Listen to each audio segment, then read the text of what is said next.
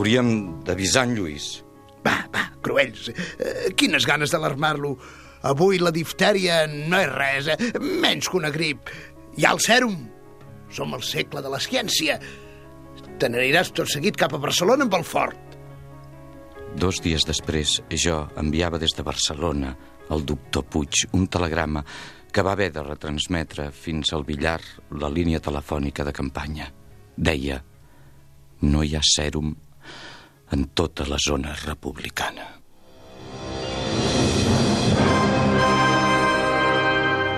Catalunya Ràdio presenta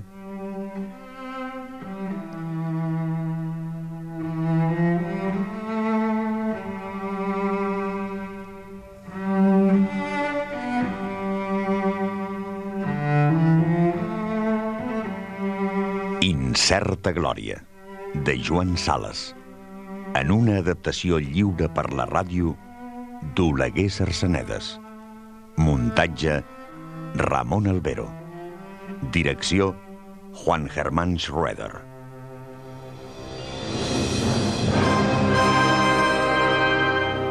Incerta Glòria, de Joan Sales.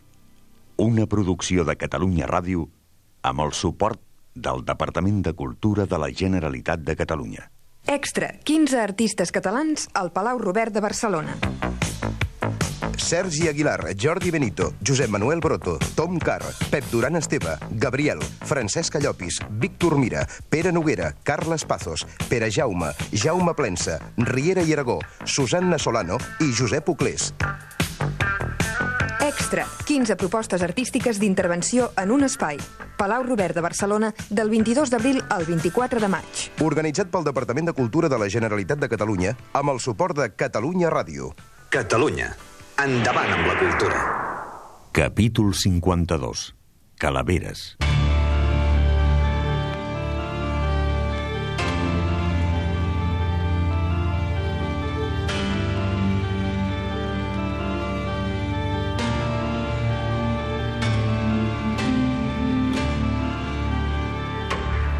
Jo havia voltat d'aquí, d'allà per Barcelona, de l'Hospital de la Santa Creu al de Sant Pau, de la sanitat militar a la civil. Després havia fet el peregrinatge de totes les clíniques privades. En una d'elles, el director, després d'escoltar-me, m'havia dut, sense dir res, al capçal d'una nena de 3 anys. Devia haver estat Monica, amb els seus cabells d'un castany suau i els seus grans ulls negres. Els seus pares estaven asseguts al costat del llitet i escoltaven en silenci els xiulets de l'aire a través de la laringe obstruïda. El pare va murmurar. Sembla una màquina de tren. La cara d'aquell home expressava aquella idiotesa que sentim davant d'allò que és absurd. La mare estava rígida, com glaçada. Amb tantes criatures com hi ha al món, per què li ha hagut de tocar la nostra? Ho va dir sense moure's ni mirar-nos. Un cop tornats al despatx del director, li vaig preguntar si la deixaria morir. No sé fer miracles. Era un home d'una cinquantena d'anys, magre i d'aspecte enèrgic, amb cabells blancs als polsos i aire de patir del fetge. No sé fer miracles. Tenim ordres terminants d'amagar-ho, de no dir-ho absolutament a ningú. Però vostè no el vull enganyar. No hi ha sèrum en tota la zona. N'he demanat fins al ministre. Som amics. Vam fer la carrera plegats. Tot inútil. No en trobarà lloc. No perdi el temps buscant-ne. Una immensa cabronada, cregui'm. A la sortida em vaig trobar en una fosca total. Els reflectors de Montjuïc encreuaven els seus feixos amb els del Tibidabo i aquella creu de llum es projectava contra el cel baix, plujós. No arribaven a localitzar els avions. Volaven molt alt. Jo caminava en aquella fosca espessa, on altres centenars de fantasmes, com jo, es movien quasi a les palpentes. Tota la circulació estava interrompuda. Rebondejava pels carrers i ensopegava amb pals de telèfon o electricitat o m'enfonsava en piles d'escombraries que en aquelles tenebres feien una olor estranyament dolça. Sentia una tristesa lacinant. La cara d'aquella mare immòbil em tornava a la memòria i vaig pensar, fins al ministre. Però passen coses ben rares, pensava. Tothom ho diu. Diuen que n'hi ha de molt més poderosos que els ministres. Diuen que el govern de Catalunya no pinta res i el de la República tampoc. Ho diuen. Tothom ho diu. Per què no intentar-ho? És el seu oncle. I em vaig trobar a l'antecambra del gran home sense saber com. El gran home va sortir per fer-me passar davant de tots els altres que esperaven, tot posant-me la mala esquena amb un gran gest protector. Vam entrar al seu despatx. Era un despatx fastuós, digne del gran home. M'hi sentia perdut. I ell era un jove d'aspecte atractiu, moreno, fort, cordial, optimista, dinàmic. Els seus ulls negres brillaven amb una humanitat sentimental que n'endolcia l'energia. Vet aquí el gran home, anava pensant jo. Vet aquí, per fi, el gran home. Era aquella la primera vegada que el veia, la primera que entrava al seu despatx.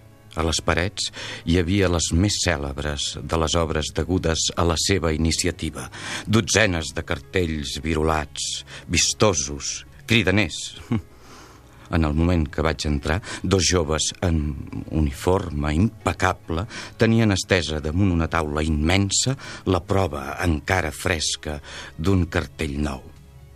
Em somreia amb condescendència, m'escoltava i em parlava tot examinant aquell nou cartell i donant indicacions als seus subordinats. Feia olor d'aigua de colònia i el seu uniforme, mig civil, mig militar, era elegantíssim i de la millor llana. Un cop examinat el nou cartell, el gran llibert Milmany em va dur cap a la seva taula. Estic sempre tan ocupat, camarada Cruels, però t'escolto. Tot parlant-me no parava d'obrir cartes i telegrames, de consultar xifres i notes. Sí, estava molt ocupat. M'anava dient camarada Cruells i tutejant-me com si ens haguéssim conegut de tota la vida.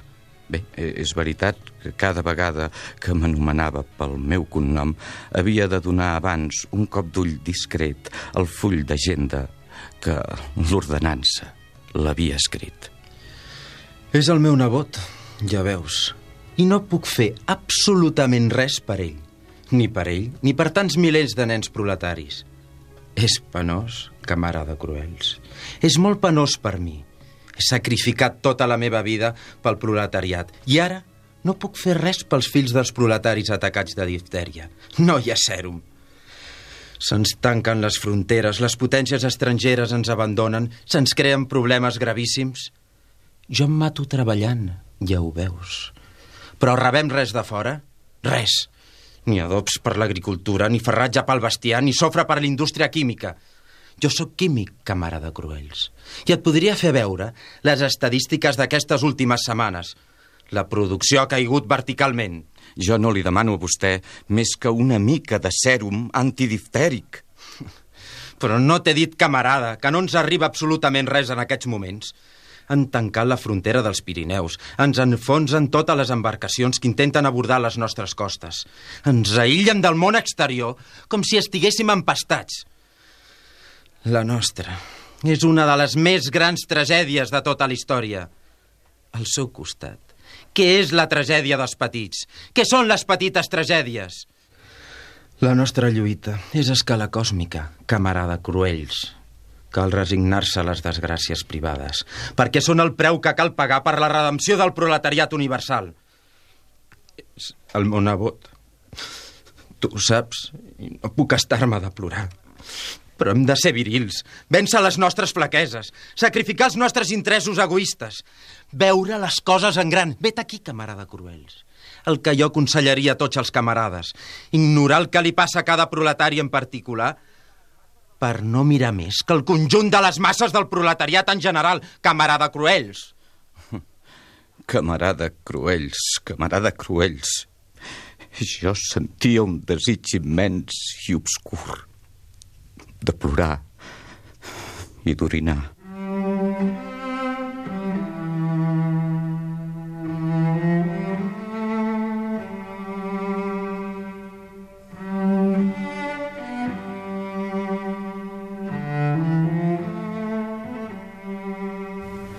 Vaig cridar en Lluís a part. No em comprenia. Suposo que es tracta d'una broma. Em mirava amb odi. De manera que el gran llibert... En Lluís em va prendre pel braç i em va arrossegar fora del poble. La neu aquells dies havia començat a fondre's, les botes s'enfonsaven en el fangar. Vam arribar a la pallissa dels afores, on teníem aquell famós cabriolet. Va enganxar el mul, sense dir-me ni una paraula. Puja. Què vols fer? T'he dit que pugis. D'una fuetada va posar al galop l'animal, que va emprendre la direcció de la vall deserta. No va dir res en tot el camí, fora dels renecs per atiar la bèstia. Li ventava fuetades per mantenir-la al galop. Només una vegada em va parlar. Va ser per dir-me altre cop. De manera que en Llibert, el genial camarada... El camí feia una forta pujada durant un parell de quilòmetres. Arribats a la carena, es descobria bruscament l'altra vall, l'abandonada, la terra de ningú.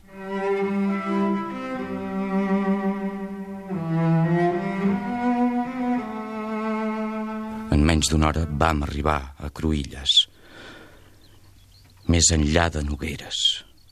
A poca distància d'aquell poble començava el bosc. Entre els troncs, a mitja muntanya, brillaven els filferros de les estacades, el sol llevant, i tocava de viaix.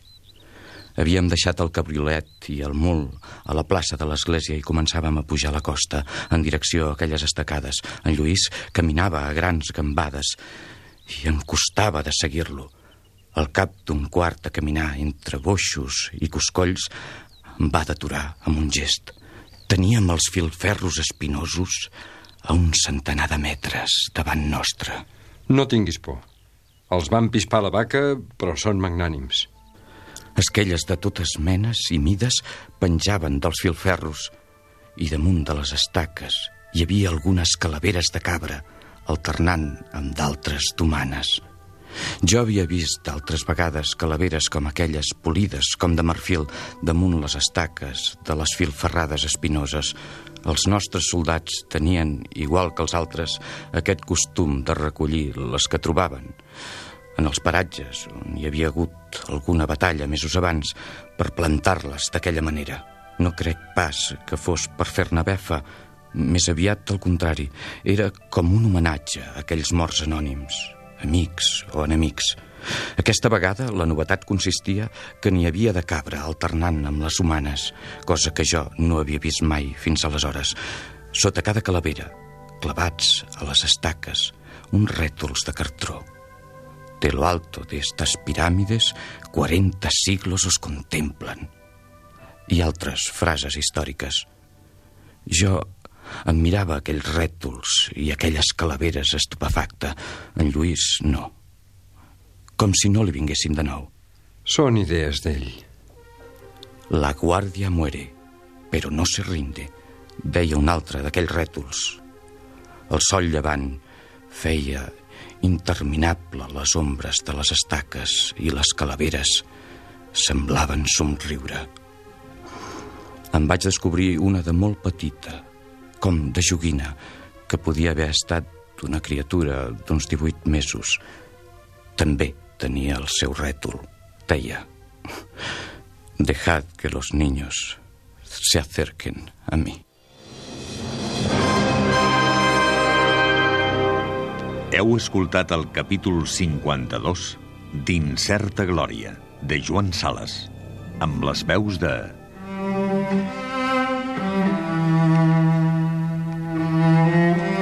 Cruells, Enric Major. Pare, Joan Anton Ramoneda. Mare, Araceli Bruc. Director, Joan Canadell. Llibert, Fabià Mates. Lluís, Gal Soler.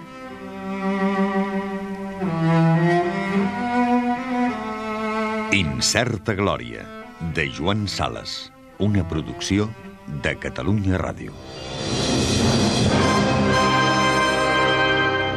Amb el suport del Departament de Cultura de la Generalitat de Catalunya. Extra, 15 artistes catalans al Palau Robert de Barcelona.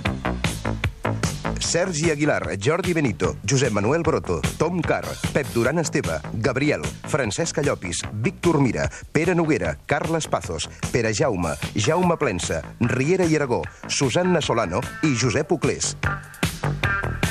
Extra, 15 propostes artístiques d'intervenció en un espai.